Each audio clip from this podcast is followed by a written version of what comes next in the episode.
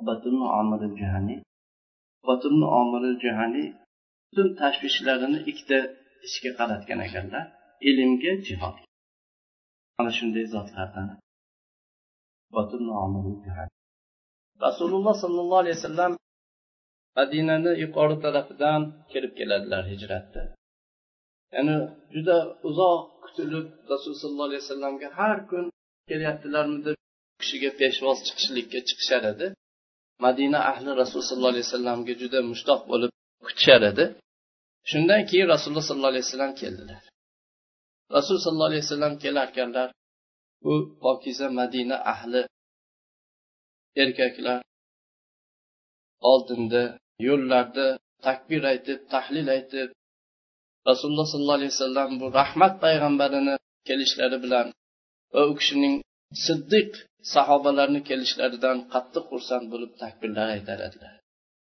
Madina ayollari uy bekalari bo'lgan ayollar qizchalar ular tomlar uylarni tomiga chiqib rasululloh sollallohu alayhi vasallamga uzoqdan qarab qaysi birlar u kishi? deb qarardilar. Rasululloh sollallohu alayhi vasallamni karvonlari karvon desa juda ko'pchilikka o'xshab qoladi. Ular ikki kishi keyin shu yo'l ko'rsatuvchilar shular bor edi ular bu katta jamoatlar saflar ichidan orom bilan viqor bilan kirib kelar edi ularga sog'ingan ko'zlar ularga mushtoq bo'lgan ko'zlar ularni qamrab olgan. Qalblar ularga intilgan. Quvonch ko'z yoshlari to'kilgan. Tabassum kulgilar yangragan mana shunday holatda rasululloh sollallohu alayhi vasallam kirib keldilar lekin uqbat ibn omir bu qissalarni biz hozir o'qiydigan zot u kishi rasululloh sollallohu alayhi vasallamni bu kelishlarini va u kishini bu jamoalari u kishini bunday kutib olishlikni u kutib oluvchilar bilan birga kutib olmadilar. Unda u kishi qatnashmadilar. Sababi bir qancha qo'ylari bor edi. Shu qo'yni boqishlik uchun madinadan uzoqqa shu cho'llarga chiqib ketardilar. Shu qo'y boqqani chiqib ketgan bu u qo'ylari och qolib madinada qurg'oqchilik yili edi. Halokatidan qo'rqqanlaridan o'zlari olib chiqib ketgan edilar. Butun dunyo matosidan ega bo'lgan narsalar bir nechta qo'ylari bor edi shuni boqib chiqib ketgan lekin bu madina munavvarada bo'lgan quvonch bu yerdagi xursandchilik madinani uzoq yaqin cho'llarida ham on bo'ldi. Madinani pokiza yerlaridan har birida xushxabar tarqaldi.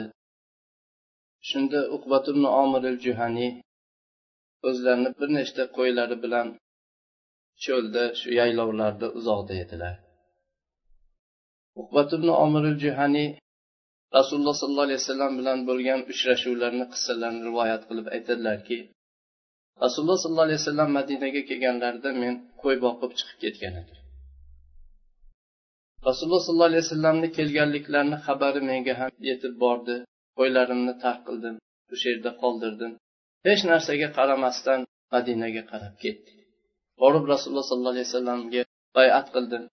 Aytdimki ya rasululloh sollallohu alayhi vasallam men bilan ham bayat qilasizmi? dedim rasululloh sollallohu alayhi vasallam siz kimsiz? dedilar.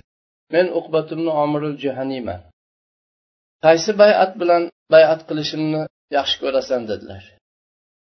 Shu atrofda yurgan arobiylar bayati bilanmi yo hijrat bayati bilan? Men aytdimki balki hijrat bayati bilan bayat qilasiz dedi. Men ham shu o'sha joylarimdan atrofdagi sahrolarni tashlab hijrat qilib keladigan muhojirlar bayati bilan bayat qilaman rasululloh sollallohu alayhi vasallam muhojirlar bayati bilan bayat qildilar.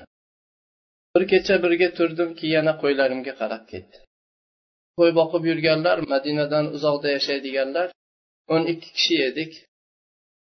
Bir birlariga qarab aytdilarki biz rasululloh sollallohu alayhi vasallam kelgandan beri endi shu yerlarda yursak rasul sollallohu alayhi vasallamni oldilariga bu dinimizni o'rganib dinni yaxshi tushunadigan bo'lishlik uchun bormasak rasululloh sollallohu alayhi vasallamga nozil bo'layotgan osmondan tushayotgan vahiyni biz eshitmasak har kun o'tadi biz undan bexabar qolyapmiz bizda yaxshilik qolmaydi dedi. Ular kelishdilar har kun bir kishi madinaga borsin qolganlarga shu qo'yni tashlab ketsin uni qo'yni boshqalar boqib turamiz. Deyishdi. Men aytdimki men bormayman. Rasululloh sollallohu alayhi vasallamga bitta bitta bo'lib sizlar boraveringlar ketgan odam qo'yini menga qoldirsin qo'y boqib qolaman dedi. Chunki men o'zimni qo'ylarimni biror kishiga tashlab ketishlikdan xotirjam bo'lmasdim. Ulargacha qo'rqar edim qo'ylarimni keyin sheriklarim bitta bitta bo'lib rasululloh sollallohu alayhi vasallamga borib kelardilar.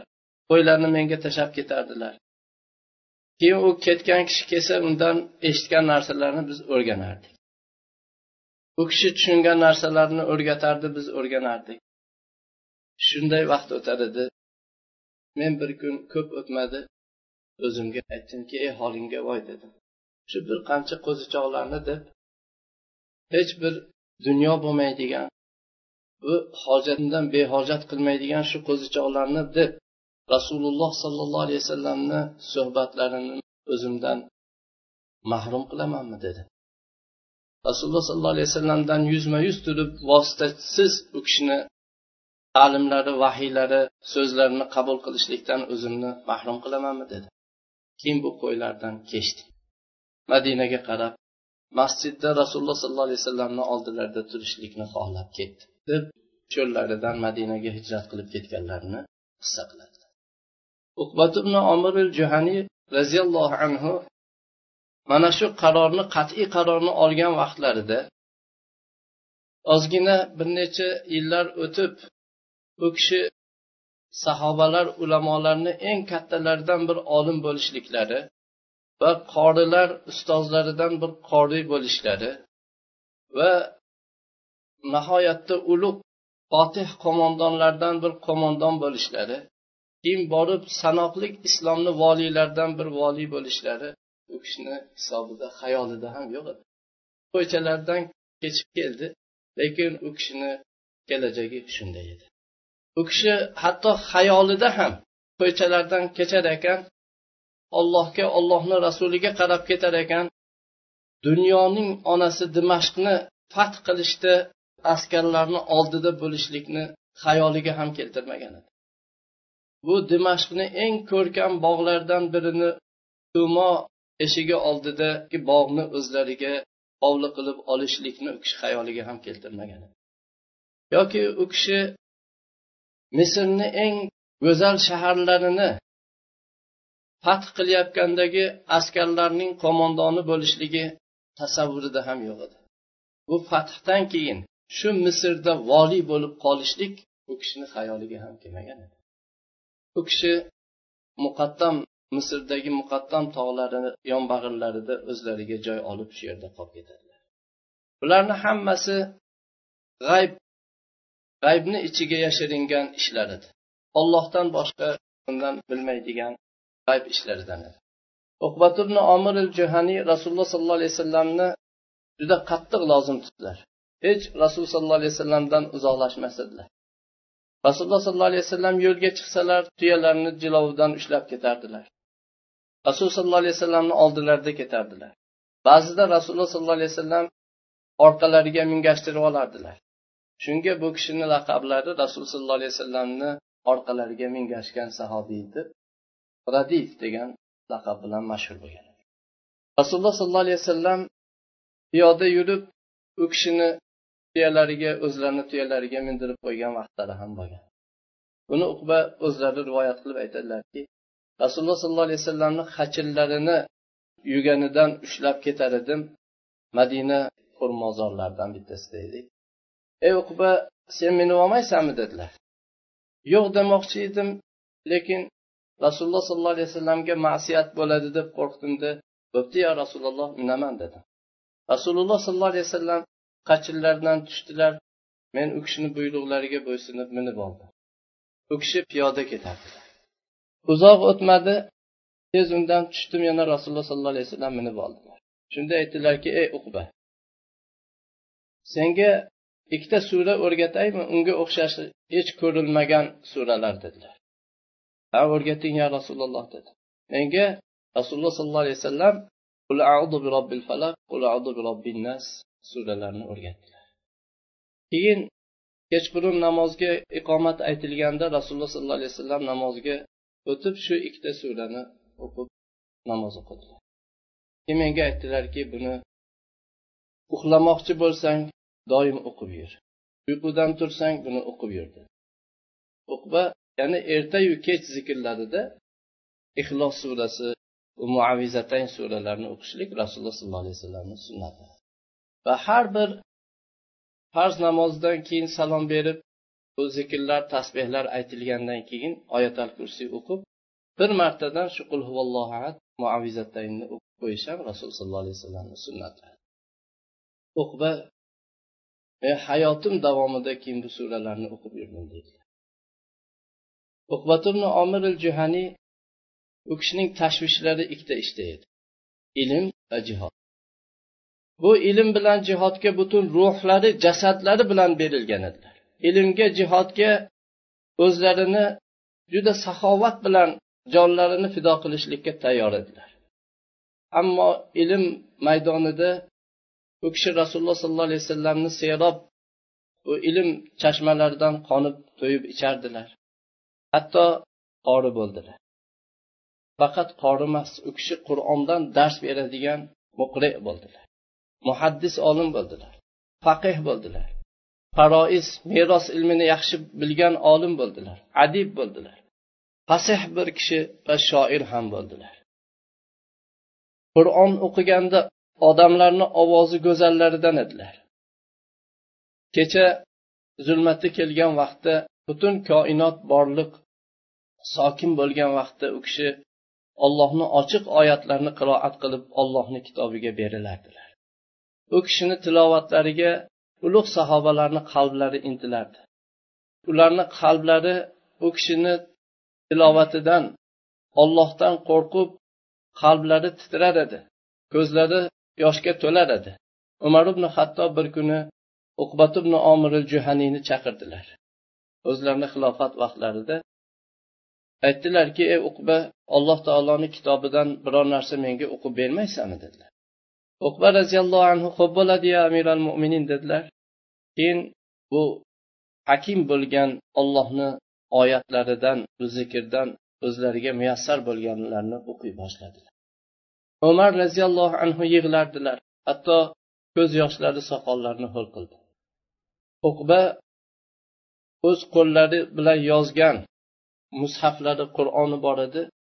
Bu mushaf yaqin vaqtgacha shu misrda uqbatun omir degan jomeda u kishini nomi bilan mashhur bo'lgan jomeda saqlanib davom etib kelgan. Shu kitobni oxirida keladi mushafni oxirida buni uqbatubni omiri juhaniy yozgan degan mushaf o'zlari qo'llari bilan yozgan mushaflari davom etib kelgan. Uqbatubni omir juhaniyning bu mushaflari qur'onlari eng qadimgi qur'onlardan edi.